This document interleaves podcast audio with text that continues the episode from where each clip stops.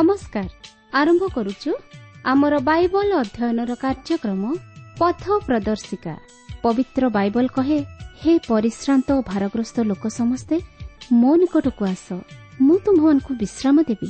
ଆସନ୍ତୁ ସେହି ଜୀବନଦାତାଙ୍କର ପରିଚୟ ପାଇ ଜୀବନରେ ବାସ୍ତବ ଶାନ୍ତି ଓ ମୁକ୍ତି ପାଇବା ନିମନ୍ତେ ଶୁଣିବା ବେତାର କାର୍ଯ୍ୟକ୍ରମ ପଥ ପ୍ରଦର୍ଶିକା।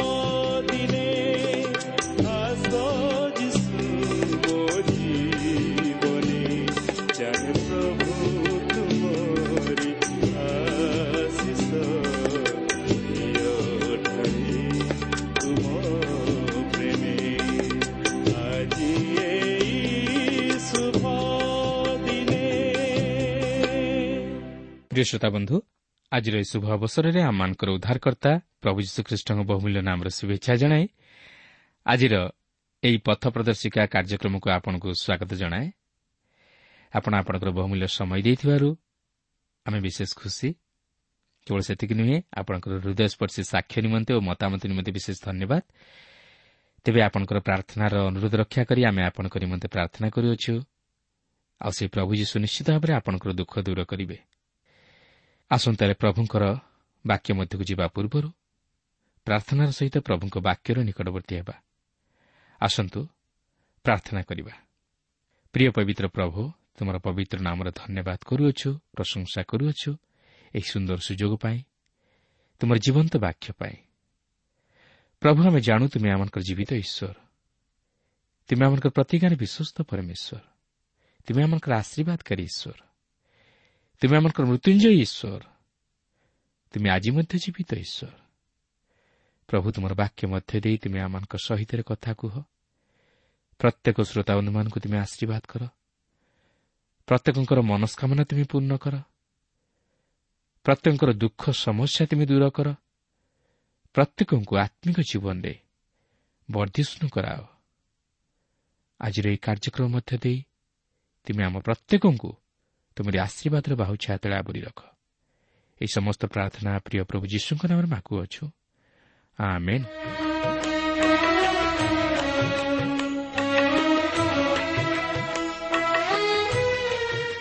ଆସନ୍ତୁ ବର୍ତ୍ତମାନ ଆମେ ପ୍ରଭୁଙ୍କର ବାକ୍ୟ ମଧ୍ୟକୁ ଯିବା।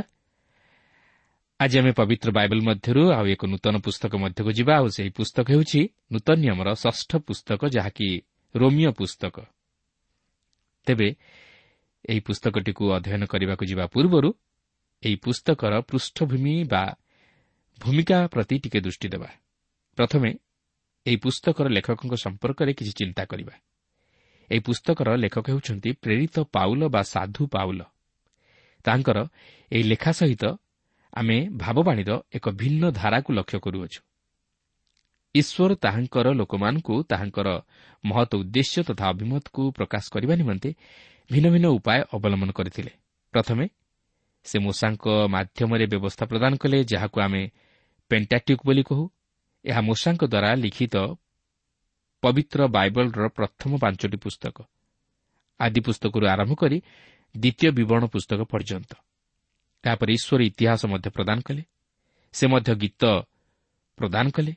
ସେ ଭାଓବାଣୀ ପ୍ରଦାନ କଲେ ଓ ସୁଷମାଚାର ପ୍ରଦାନ କଲେ। ଓ ବର୍ତ୍ତମାନ ଆମେ ଆଉ ଏକ ବିଭାଗ ମଧ୍ୟକୁ ଆସୁଅଛୁ ଯାହାକି ମଣ୍ଡଳୀମାନଙ୍କ ନିକଟକୁ ପତ୍ର। ଓ ଏହି ପତ୍ରମାନଙ୍କ ମଧ୍ୟରୁ ଅଧିକାଂଶ ପତ୍ର ପ୍ରେରିତ ପାଉଲଙ୍କ ଦ୍ୱାରା ଲିଖିତ ହୋଇଥିଲା। ତନ୍ମଧ୍ୟରୁ ଏହି ରୋମିଓ ପତ୍ର ମଧ୍ୟ ଅନ୍ୟତମ ଯାହାକି ରୋମିଓ ମଣ୍ଡଳୀ ନିକଟକୁ ପ୍ରେରିତ ପାଉଲଙ୍କର ପତ୍ର ଥିଲା। ଏହାକୁ ଯଦିଓ ଆମେ ଏକ ପୁସ୍ତକ ହିସାବରେ ଗ୍ରହଣ କରୁ ମାତ୍ର ଏହା ହେଉଛି ପ୍ରେରିତ ପାଉଲଙ୍କର ରୋମିଓ ମଣ୍ଡଳୀ ନିକଟକୁ ଏକ ପତ୍ର। ତେବେ ଏହି ପତ୍ର ଯଦିଓ ଏକ ମାଣ୍ଡଳିକ ଥିଲା ବା ଏକ ମଣ୍ଡଳୀ ମଧ୍ୟକୁ ଲେଖାଯାଇଥିଲା କିନ୍ତୁ ଯେତେବେଳେ ଆପଣ ଓ ମୁଁ ଆଜି ଏହି ପତ୍ରକୁ ଅଧ୍ୟୟନ କରିବାକୁ ଯାଉଅଛୁ ଏହା ଆଜି ଆମ ପ୍ରତ୍ୟେକ ବ୍ୟକ୍ତିବିଶେଷଙ୍କ ନିମନ୍ତେ ମଧ୍ୟ ପ୍ରଯୁଜ୍ୟ। ଏହା କେବଳ ମାଣ୍ଡଳିକ ନୁହେଁ ମାତ୍ର ଆମମାନଙ୍କର ପ୍ରତ୍ୟେକ ବ୍ୟକ୍ତିବିଶେଷଙ୍କ ନିମନ୍ତେ ଉଦ୍ଦିଷ୍ଟ। ତେଣୁକରି ଏହି ରୋମିଓ ପତ୍ରଟି ମାଣ୍ଡଳିକ ତଥା ବ୍ୟକ୍ତିଗତ। ବର୍ତ୍ତମାନ ପ୍ରେରିତ ପାଉଲ ରୋମିଓ ପନ୍ଦର ପର୍ବର ପନ୍ଦର ଓ ଷୋହଳ ପଦରେ ଏହିପରି ପ୍ରକାଶ କରନ୍ତି ତଥାପି ମୋତେ ଈଶ୍ୱରଙ୍କ କର୍ତ୍ତୃକ ଦତ୍ତ ଅନୁଗ୍ରହ ହେତୁ ମୁଁ ତୁମମାନଙ୍କୁ ପୁନର୍ବାର ସ୍ମରଣ କରାଇବା ନିମନ୍ତେ କେତେକ ପରିମାଣରେ ଅଧିକ ସାହସ ସହିତ ତୁମମାନଙ୍କ ନିକଟକୁ ଲେଖୁଅଛି। କାରଣ ବିଜାତିମାନେ ଯେପରି ପବିତ୍ର ଆତ୍ମାଙ୍କ ଦ୍ୱାରା ପବିତ୍ରକୃତ ହୋଇ ନୈବେଦ୍ୟ ସ୍ୱରୂପେ ସୁଗ୍ରାହ୍ୟ ହୁଅନ୍ତି ଏଥିନିମନ୍ତେ ସେମାନଙ୍କ ନିକଟରେ ଖ୍ରୀଷ୍ଟ ଯୀଶୁଙ୍କ ସେବକ ହୋଇ ଈଶ୍ୱରଙ୍କ ସୁଷମାଚାରର ଯାଜକତ୍ୱ କରିବା ପାଇଁ ମୋତେ ସେହି ଅନୁଗ୍ରହ ଦତ୍ତ ହୋଇଅଛି। ପ୍ରେରିତ ପାଉଲ ଏଠାରେ ଅତି ସ୍ପଷ୍ଟ ଭାବେ ଜଣାଇ ଦିଅନ୍ତି ଯେ ସେ ବିଜାତୀୟମାନଙ୍କ ମଧ୍ୟକୁ ସୁଷମାଚାର ପ୍ରଚାର କାର୍ଯ୍ୟ ନିମନ୍ତେ ପ୍ରେରିତ ହୋଇଅଛନ୍ତି। ସେ ମଧ୍ୟ ପରିଷ୍କାର ଭାବେ ପ୍ରକାଶ କରନ୍ତି ଯେ ପିତର ଇସ୍ରାଏଲ୍ ଜାତି ମଧ୍ୟକୁ ପ୍ରଚାର କାର୍ଯ୍ୟ ନିମନ୍ତେ ପ୍ରେରିତ ହୋଇଅଛନ୍ତି। ଉଦାହରଣ ସ୍ୱରୂପ ଦେଖନ୍ତୁ ଗାଲାତୀୟ ଦୁଇ ପର୍ବର ଆଠ ଓ ନଅ ପଦରେ ସେ ଏହିପରି ପ୍ରକାଶ କରନ୍ତି କାରଣ ସୁନ୍ନତିମାନଙ୍କ ନିକଟରେ ପ୍ରେରିତ ପଦର କର୍ମ କରିବା ନିମନ୍ତେ ଯେ ପିତରଙ୍କୁ ସକ୍ଷମ କଲେ ବିଜାତିମାନଙ୍କ ନିକଟରେ ସେହି କର୍ମ କରିବାକୁ ସେ ମୋତେ ମଧ୍ୟ ସକ୍ଷମ କଲେ।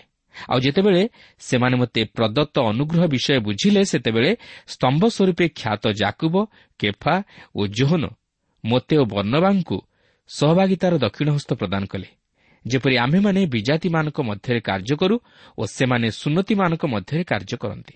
ତେଣୁକରି ଆପଣ ଦେଖନ୍ତୁ ପାଉଲ ପ୍ରକୃତିରେ ବିଜାତୀୟମାନଙ୍କ ମଧ୍ୟକୁ ପ୍ରେରିତ ହୋଇଥିଲେ। ଆଉ ତାହା ହିଁ ସେ ପରିଷ୍କାର ଭାବେ ପ୍ରକାଶ କରିଦିଅନ୍ତି।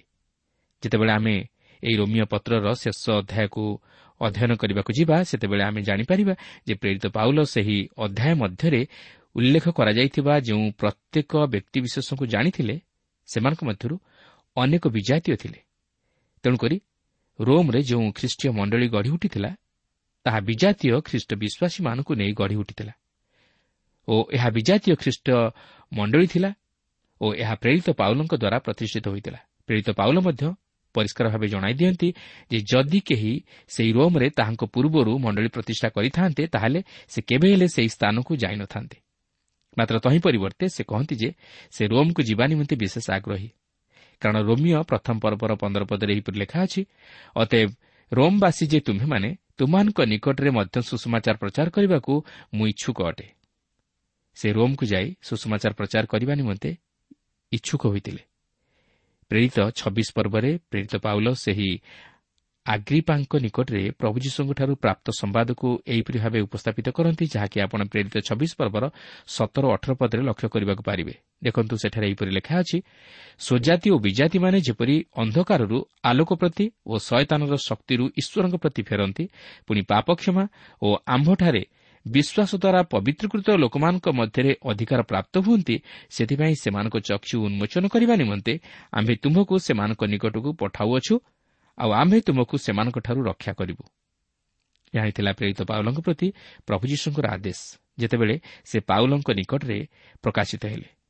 କିନ୍ତୁ ଯଦି ଆମେ ଆଉ ଟିକେ ଆଗକୁ ଯିବା ତାହେଲେ ଆମେ ଜାଣିପାରିବା ଯେ ପାଉଲ ଯଦିଓ ରୋମ୍କୁ ଯାଇ ସୁଷମାଚାର ପ୍ରଚାର କରିବା ନିମନ୍ତେ ବିଶେଷ ଆଗ୍ରହୀ ଥିଲେ କିନ୍ତୁ ଯଦି ତାହାଙ୍କ ପୂର୍ବରୁ କେହି ରୋମ୍କୁ ଯାଇ ସୁଷମାଚାର ପ୍ରଚାର କରିଥାନ୍ତେ ତାହେଲେ ସେ କଦାପି ରୋମ୍କୁ ଯାଇନଥାନ୍ତେ ରୋମିଓ ପନ୍ଦର ପର୍ବର କୋଡ଼ିଏ ପଦରେ ଏହିପରି ଲେଖା ଅଛି ହଁ ଯେପରି ମୁଁ ଅନ୍ୟ ଲୋକର ମୂଳଦୁଆ ଉପରେ ନ ଗଢ଼େ ଏଥିନିମନ୍ତେ ଯେଉଁ ସ୍ଥାନରେ ଖ୍ରୀଷ୍ଟଙ୍କ ନାମ ଉଚ୍ଚାରିତ ହୋଇନାହିଁ ଏପରି ସ୍ଥାନରେ ସୁଷମାଚାର ପ୍ରଚାର କରିବା ପାଇଁ ମୁଁ ଲକ୍ଷ୍ୟ କରି ଆସିଅଛି। ଯେଉଁ ସ୍ଥାନରେ ଅନ୍ୟ କୌଣସି ପ୍ରେରିତ ବ୍ୟକ୍ତି ସୁଷମାଚାର ପ୍ରଚାର କରୁଥିଲେ ସେ ସ୍ଥାନକୁ ପ୍ରେରିତ ପାଉଲ ଯାଉନଥିଲେ। ତେଣୁ ଆମେ ଏହି ସିଦ୍ଧାନ୍ତରେ ଉପନୀତ ହେଉଛୁ ଯେ ରୋମ୍କୁ ଅନ୍ୟ କୌଣସି ସୁଷମାଚାର ପ୍ରଚାରକ ଯାଇନଥିଲେ। ତେବେ ବର୍ତ୍ତମାନ ମୁଁ ରୋମ୍ ସମ୍ପର୍କରେ କିଛି କହିବାକୁ ଚାହେଁ।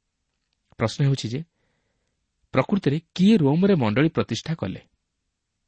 ଏହାର ଉତ୍ତରରେ ମୁଁ ଏତିକି କହିପାରେ ଯେ ପ୍ରେରିତ ପାଉଲ ରୋମ୍ରେ ମଣ୍ଡଳୀ ପ୍ରତିଷ୍ଠା କରିଥିଲେ। ତେବେ ସେ କିପରି ପ୍ରତିଷ୍ଠା କଲେ ବା କେଉଁପରି ଯୋଗାଯୋଗ କରି ସେହି ମଣ୍ଡଳୀ ପ୍ରତିଷ୍ଠା କଲେ ତାହା ନେଇ ମୁଁ କୌଣସି ଯୁକ୍ତି ବାଢ଼ିବାକୁ ଚାହେଁ ନା।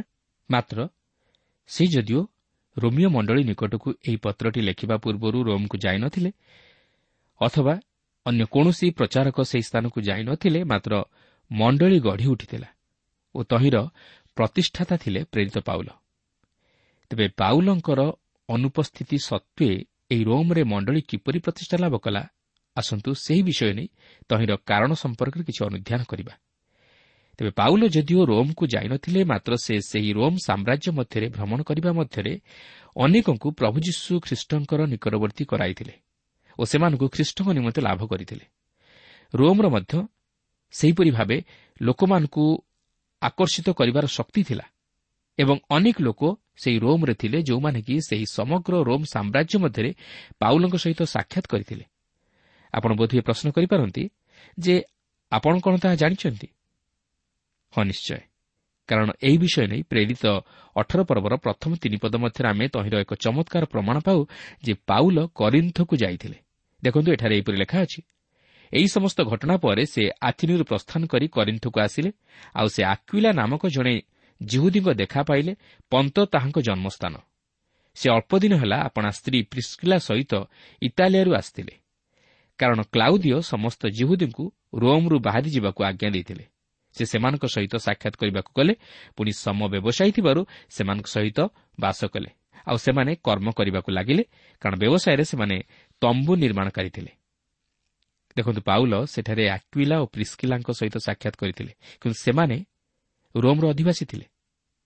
କିନ୍ତୁ ସେହି ରୋମ୍ ସମ୍ରାଟ କ୍ଲାଉଦିଓ ସେମାନଙ୍କୁ ତାଡ଼ନା କରିବାରୁ ସେମାନେ ସେହି ରୋମ୍ ପରିତ୍ୟାଗ କରି କରିନ୍ଧକୁ ଆସିଲେ।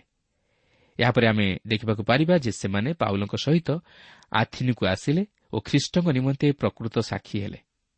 ଏହାପରେ ପାଉଲ ଯେତେବେଳେ ରୋମିଓମାନଙ୍କ ନିକଟକୁ ପତ୍ର ଲେଖିଲେ ସେତେବେଳେ ସେମାନେ ରୋମ୍କୁ ଫେରିଆସିଥିଲେ ଓ ପାଉଲ ସେମାନଙ୍କୁ ଶୁଭେଚ୍ଛା ଜଣାଇଥିଲେ।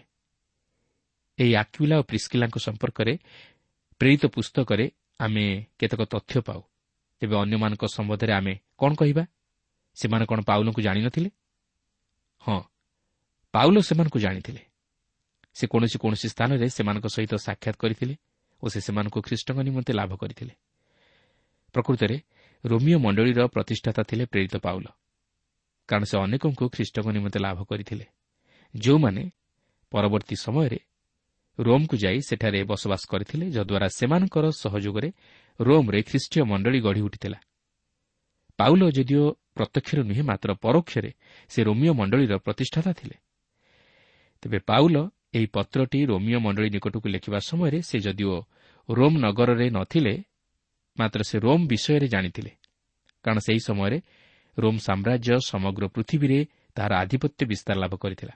ଏପରିକି ପାଉଲ ରୋମିଓ କଲୋନୀଗୁଡ଼ିକୁ ଯାହାକି ଫିଲିପି ଓ ଥେସଲୋନିକି ସେହି ସମସ୍ତ ନଗରଗୁଡ଼ିକୁ ପରିଦର୍ଶନ କରିଥିଲେ ଓ ସେଠାରେ ସେ ରୋମିଓ ପ୍ରଥା ପରମ୍ପରା ବ୍ୟବସ୍ଥା ଭାଷା ସେମାନଙ୍କ ଚାଲିଚଳନ ସଂସ୍କୃତି ଏହି ସମସ୍ତକୁ ସେ ଦେଖିଥିଲେ।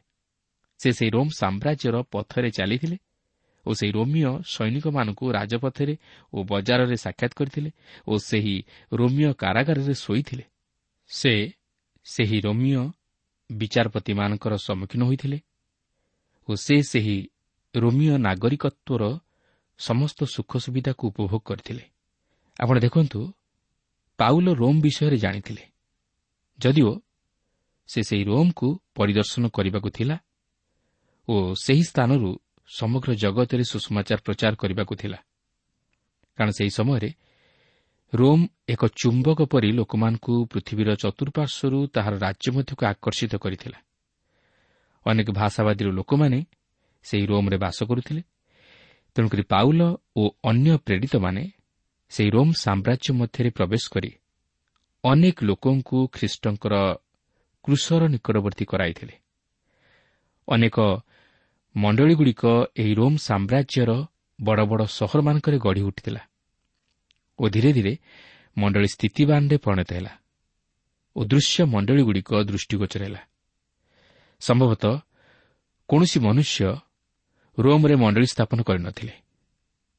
ମାତ୍ର ପାଉଲ ଓ ଅନ୍ୟାନ୍ୟ ପ୍ରେରିତମାନଙ୍କର ପ୍ରଚାର ଦ୍ୱାରା ଯେଉଁମାନେ ଖ୍ରୀଷ୍ଟଙ୍କୁ ଗ୍ରହଣ କରି ଖ୍ରୀଷ୍ଟ ବିଶ୍ୱାସରେ ପରିଗଣିତ ହୋଇଥିଲେ ସେମାନେ ରୋମ୍କୁ ଗଲେ ଓ ସେଠାରେ ମଣ୍ଡଳୀ ଗଠିତ ହେଲା। ଶେଷରେ ଆମେ ଏହି ସିଦ୍ଧାନ୍ତରେ ଉପନୀତ ହେଉଛୁ ଯେ ପାଉଲ ହେଉଛନ୍ତି ଜଣେ ଯିଏକି ରୋମିଓମାନଙ୍କ ନିକଟକୁ ପତ୍ର ଲେଖିଥିଲେ। ଯଦିଓ ସେ ରୋମ୍କୁ ଭଲ ଭାବେ ଜାଣିଥିଲେ ଓ ତହିଁର ସଂସ୍କୃତି ତଥା ସଭ୍ୟତା ଓ ସାହିତ୍ୟକୁ ଜାଣିଥିଲେ ମାତ୍ର ସେ ପରେ ରୋମ୍କୁ ପରିଦର୍ଶନ କରିବାକୁ ଥିଲା ଏବଂ ପାଉଲ ରୋମିଓ ମଣ୍ଡଳୀର ପ୍ରତିଷ୍ଠାତା ଥିଲେ। ତେବେ ଏହି ରୋମିଓ ପୁସ୍ତକର ମୁଖ୍ୟ ବିଷୟବସ୍ତୁ ହେଉଛି ଈଶ୍ୱରଙ୍କର ଧାର୍ମିକତା। ଯେତେବେଳେ ଆମେ ଏହି ପୁସ୍ତକଟିକୁ ଅଧ୍ୟୟନ କରିବାକୁ ଯାଉଅଛୁ ଓ ଈଶ୍ୱରଙ୍କର ସେହି ଧାର୍ମିକତାର ବିଷୟକୁ ଲକ୍ଷ୍ୟ କରିବାକୁ ଯାଉଅଛୁ ଏଥିନିମନ୍ତେ ଆମେ ମଧ୍ୟ ନିଜ ନିଜକୁ ସତର୍କ କରିବା ଉଚିତ। କାରଣ ଈଶ୍ୱରଙ୍କର ସେହି ଧାର୍ମିକତାର ବିଷୟକୁ ଚିନ୍ତା କରିବା ସମୟରେ ମୁଁ ନିଜକୁ ମଧ୍ୟ ଅତି ହୀନ ମନେ କରେ ଓ ନିଜକୁ ଅତି ଅଯୋଗ୍ୟ ବୋଲି ବିଚାର କରେ। ଯେହେତୁ ଈଶ୍ୱରଙ୍କର ଗ୍ରାହ୍ୟ ଧାର୍ମିକତା ସାଧନ କରିବା ନିମନ୍ତେ ମୁଁ ଯୋଗ୍ୟ ନୁହେଁ। କିନ୍ତୁ ମୁଁ ଏତିକି ଜାଣେ ମୋ ନିମନ୍ତେ ଜଣେ ସେହି ଧାର୍ମିକତା ସାଧନ କରିଅଛନ୍ତି ଓ ମୋତେ ଉଦ୍ଧାର କରିଅଛନ୍ତି ଆଉ ସେ ହେଉଛନ୍ତି ପ୍ରଭୁ ଯୀଶୁଖ୍ରୀଷ୍ଟ। ଆଉ ତାହା ହିଁ ଆମେ ଏହି ରୋମିଓ ପୁସ୍ତକରେ ଲକ୍ଷ୍ୟ କରିବାକୁ ପାରିବା।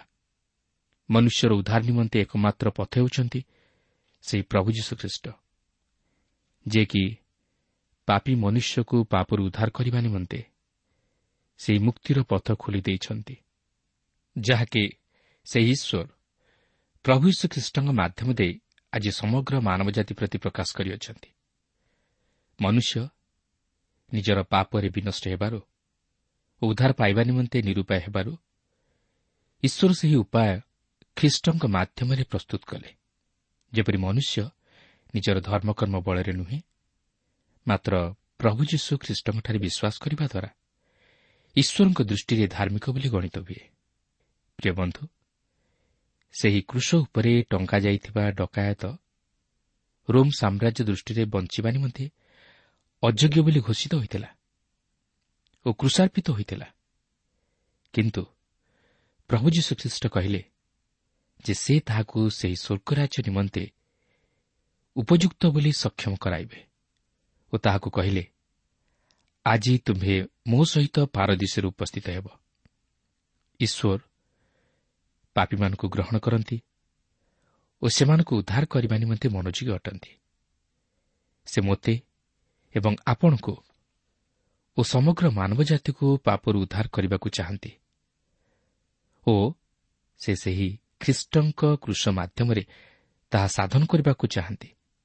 ତେଣୁ ସେହି ପ୍ରଭୁ ଯୀଶୁଖ୍ରୀଷ୍ଟ ଆଜି ମୋତେ ଆପଣଙ୍କୁ ଈଶ୍ୱରଙ୍କର ପରିବାରଭୁକ୍ତ କରି ତାହାଙ୍କର ସନ୍ତାନ ରୂପେ ଗ୍ରହଣ କରିବାକୁ ଚାହାନ୍ତି।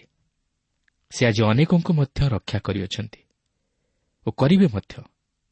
ଯେହେତୁ ସେ ଆମମାନଙ୍କ ନିମନ୍ତେ କୃଷରେ ଆପଣାର ପ୍ରାଣଦାନ କରିଅଛନ୍ତି ଓ ସେହି ପବିତ୍ର ତଥା ଅମୂଲ୍ୟ ରକ୍ତ ପ୍ରଦାନ କରିଅଛନ୍ତି। କିନ୍ତୁ ସେ ଆମମାନଙ୍କର କୌଣସି ଯୋଗ୍ୟତା ବା ଧାର୍ମିକତାକୁ ନେଇ ଆମମାନଙ୍କୁ ଉଦ୍ଧାର କରିନାହାନ୍ତି। ମାତ୍ର ଆପଣାର ଅସୀମ ଅନୁଗ୍ରହ ଦ୍ୱାରା ଉଦ୍ଧାର ସାଧନ କରିଅଛନ୍ତି। ଯେପରି କୌଣସି ମନୁଷ୍ୟ ଦର୍ପ କରି ନପାରେ ଗୋଡେଦ୍ ବୋଲି ଜଣେ ସୁଇସ୍ ବାଇବଲ ସମାଲୋଚକ କହନ୍ତି ଯଦି ମନୁଷ୍ୟ ଜୀବନରେ ସେହି ନୂତନ ଜାଗରଣ ବା ସଂସ୍କରଣ ଘଟିଥାଏ ତାହେଲେ ତାହା କେବଳ ରୋମିଓ ମଣ୍ଡଳୀ ନିକଟକୁ ପ୍ରେରିତ ପାଉଲଙ୍କର ପତ୍ର ଦ୍ୱାରା। ଏହି ପୁସ୍ତକର ଗଭୀର ଜ୍ଞାନ ଆହରଣ କରିବା ଦ୍ୱାରା ମଣ୍ଡଳୀ ମଧ୍ୟରେ କାର୍ଯ୍ୟକଳାପରେ ତଥା ଫଳ ଧାରଣ କରିବା ନିମନ୍ତେ ଏକ ଆତ୍ମିକ ଜାଗରଣ ଆଣିବାରେ ଏହା ପୂର୍ଣ୍ଣ ପ୍ରଭାବ ପକାଇପାରିବ ମାର୍ଟିନ୍ ଲୁଥର ଏହି ପୁସ୍ତକ ସମ୍ପର୍କରେ ତାହାଙ୍କର ମତ ଏହିପରି ଭାବେ ପ୍ରକାଶ କରି କହନ୍ତି ଯେ ଏହି ରୋମିଓ ପୁସ୍ତକ ନୂତନ ନିୟମର ଏକ ସତ୍ୟ ମୁଖ୍ୟାଂଶ ଓ ଏକ ଅତି ପବିତ୍ର ସୁଷମାଚାର ଯାହାକି ସମର୍ଥ ତଥା ସୁରକ୍ଷିତ ଯେପରି ଏକ ଖ୍ରୀଷ୍ଟ ବିଶ୍ୱାସୀ କେବଳ ତାହାକୁ ହୃଦୟ ମଧ୍ୟରେ ସଞ୍ଚୟ କରି ରଖିବ। ତାହା ନୁହେଁ ମାତ୍ର ସେହି ବାକ୍ୟକୁ ନିଜର ଦୈନନ୍ଦିନ ଜୀବନରେ ଦୈନିକ ଆହାର ସ୍ୱରୂପେ ବ୍ୟବହାର କରିବ ଓ କାର୍ଯ୍ୟକାରୀ କରାଇବ ଯେପରି ସେ ଆତ୍ମିକ ଜୀବନରେ ଦିନ ପ୍ରତିଦିନ ବର୍ଦ୍ଧିଷ୍ଣୁ ହେବାକୁ ପାରେ। କାରଣ ଆମେ ଯେତେ ଅଧିକ ଏହି ପୁସ୍ତକଟିକୁ ଅଧ୍ୟୟନ କରିବା ଆମେ ସେତେ ଅଧିକ ଏହାର ସ୍ୱାଦକୁ ଚାଖିପାରିବା। ପ୍ରକୃତରେ ଈଶ୍ୱରଙ୍କ ଗ୍ରାହ୍ୟ ଧାର୍ମିକତା ଯେ ମନୁଷ୍ୟର ନିଜର ଧର୍ମକର୍ମ ବା ଚେଷ୍ଟା ଉପରେ ନିର୍ଭର କରେ ନାହିଁ ମାତ୍ର ଖ୍ରୀଷ୍ଟଙ୍କଠାରେ ବିଶ୍ୱାସ କରିବା ଉପରେ ନିର୍ଭର କରେ ଏହା ଏହି ପୁସ୍ତକ ମଧ୍ୟରୁ ଆମେ ଲକ୍ଷ୍ୟ କରିବାକୁ ପାରିବା। ପରିତାଣ ଯେ ଈଶ୍ୱରଙ୍କର ଅନୁଗ୍ରହର ଦାନ ତାହା ଏହି ପୁସ୍ତକ ପ୍ରକାଶ କରେ। ତେଣୁ ଆମେ ଏହି ପୁସ୍ତକଟିକୁ ଅଧ୍ୟୟନ କରିବା ସମୟରେ ନିଜର ଜୀବନ ପ୍ରତି ଟିକେ ଦୃଷ୍ଟିପାତ କରିବା ଓ ସମୀକ୍ଷା କରିବା ଯେ ପ୍ରକୃତରେ ମୁଁ କ'ଣ ଈଶ୍ୱରଙ୍କର ଗ୍ରାହ୍ୟ ଧାର୍ମିକତା ସାଧନ କରିପାରିଅଛି କି? ଯଦି ନାହିଁ ତାହେଲେ ମୋତେ କ'ଣ କରିବାକୁ ହେବ? ଯଦି ଏହି ପ୍ରଶ୍ନ ମନ ମଧ୍ୟରେ ରଖି ଆମେ ଏହି ପୁସ୍ତକଟିକୁ ଅଧ୍ୟୟନ କରିବା ତାହେଲେ ଆମେ ତହିଁର ସଠିକ୍ ଉତ୍ତର ପାଇବା ସଙ୍ଗେ ସଙ୍ଗେ ସେହି ଉଦ୍ଧାରକର୍ତ୍ତାଙ୍କର ବାସ୍ତବ ପ୍ରେମକୁ ଓ ତାହାଙ୍କର ସେହି କୃଷିୟ ପ୍ରେମକୁ ଆମେ ଉପଲବ୍ଧି କରିପାରିବା ଓ ନିଜର କଳୁଷିତ ଜୀବନକୁ ଦେଖିବା ସଙ୍ଗେ ସଙ୍ଗେ ଖ୍ରୀଷ୍ଟଙ୍କର ନିକଟବର୍ତ୍ତୀ ହୋଇ ପାପରୁ ଉଦ୍ଧାର ପାଇ ସେହି ଅନନ୍ତ ଜୀବନର ପଥରେ ଅଗ୍ରସର ହୋଇପାରିବା। ପ୍ରିୟ ବନ୍ଧୁ ତେଣୁ ଆଜି ଏହି ସୁଯୋଗର ସଦ୍ବ୍ୟବହାର କରି ଆମେ ଯଦି ସେହି ପ୍ରଭୁ ଯୀଶୁ ଖ୍ରୀଷ୍ଟଙ୍କଠାରେ ବିଶ୍ୱାସ କରିବା ନିଜର ସମସ୍ତ ପାପକୁ ତାହାଙ୍କ ନିକଟରେ ସ୍ୱୀକାର କରି କ୍ଷମା ମାଗିବା। ତାହେଲେ ସେ ଆମମାନଙ୍କୁ କ୍ଷମା କରି ଈଶ୍ୱରଙ୍କ ନିକଟରେ ଆମମାନଙ୍କୁ ଧାର୍ମିକ ବୋଲି ଗଣନା କରିବେ। ତେଣୁ ଆସୁ ସେ ଖ୍ରୀଷ୍ଟଙ୍କଠାରେ ବିଶ୍ୱାସ କରି ସେହି ଧାର୍ମିକତା ପ୍ରାପ୍ତ ହେବା ନିମନ୍ତେ ଚେଷ୍ଟା କରୁ। ପ୍ରଭା ପ୍ରତ୍ୟେକଙ୍କୁ ଆଶୀର୍ବାଦ କରନ୍ତୁ।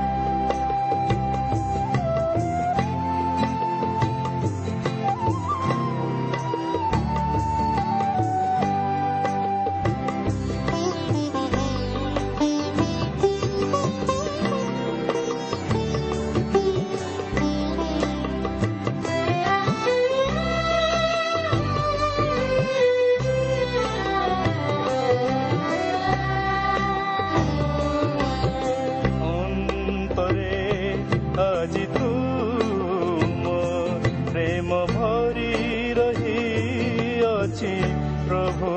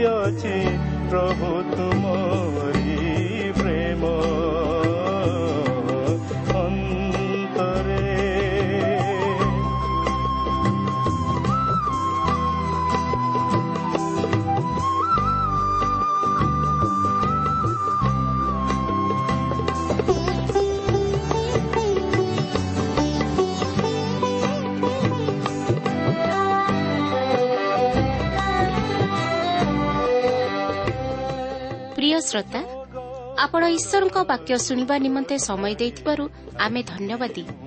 ଆପଣ ଯଦି ପ୍ରଭୁ ଯୀଶୁଙ୍କର ବାକ୍ୟ ବିଷୟରେ ଓ ତାହାଙ୍କର ପ୍ରେମ ବିଷୟରେ ଅଧିକ ଜାଣିବାକୁ ଚାହାନ୍ତି ଯାହାକି ଆପଣଙ୍କୁ ପାପରୁ ଉଦ୍ଧାର ପାଇବା ନିମନ୍ତେ ପଥ ଦେଖାଇବ ତାହେଲେ ଆମ ସହିତ ପତ୍ର ମାଧ୍ୟମରେ ଅଥବା ଟେଲିଫୋନ୍ ଯୋଗେ ଯୋଗାଯୋଗ କରନ୍ତୁ। ଆମର ଠିକଣା ପଥ ପ୍ରଦର୍ଶିକା Trans World Radio India post box number ତିନି ତିନି ଭୁବନେଶ୍ୱର সাত পাঁচ এক শূন্য শূন্য এক mobile number nine seven double seven double two one four one five. ঠিকଣାটি আউথরে শুণন্তু পথ প্রদর্শিকা Trans World Radio India post box number three three Bhubaneswar seven five one zero zero one. Mobile number nine seven double seven double two one four one five. আমার email আড্রেসটি লিখি রাখুন Odia TTV at radio eight eight two dot com ତେବେ ଆଜି ପାଇଁ ଏଠାରେ ରଖୁଛୁ। ପ୍ରଭୁ ଯୀଶୁ ଆପଣଙ୍କୁ ଆଶୀର୍ବାଦ କରନ୍ତୁ। ନମସ୍କାର।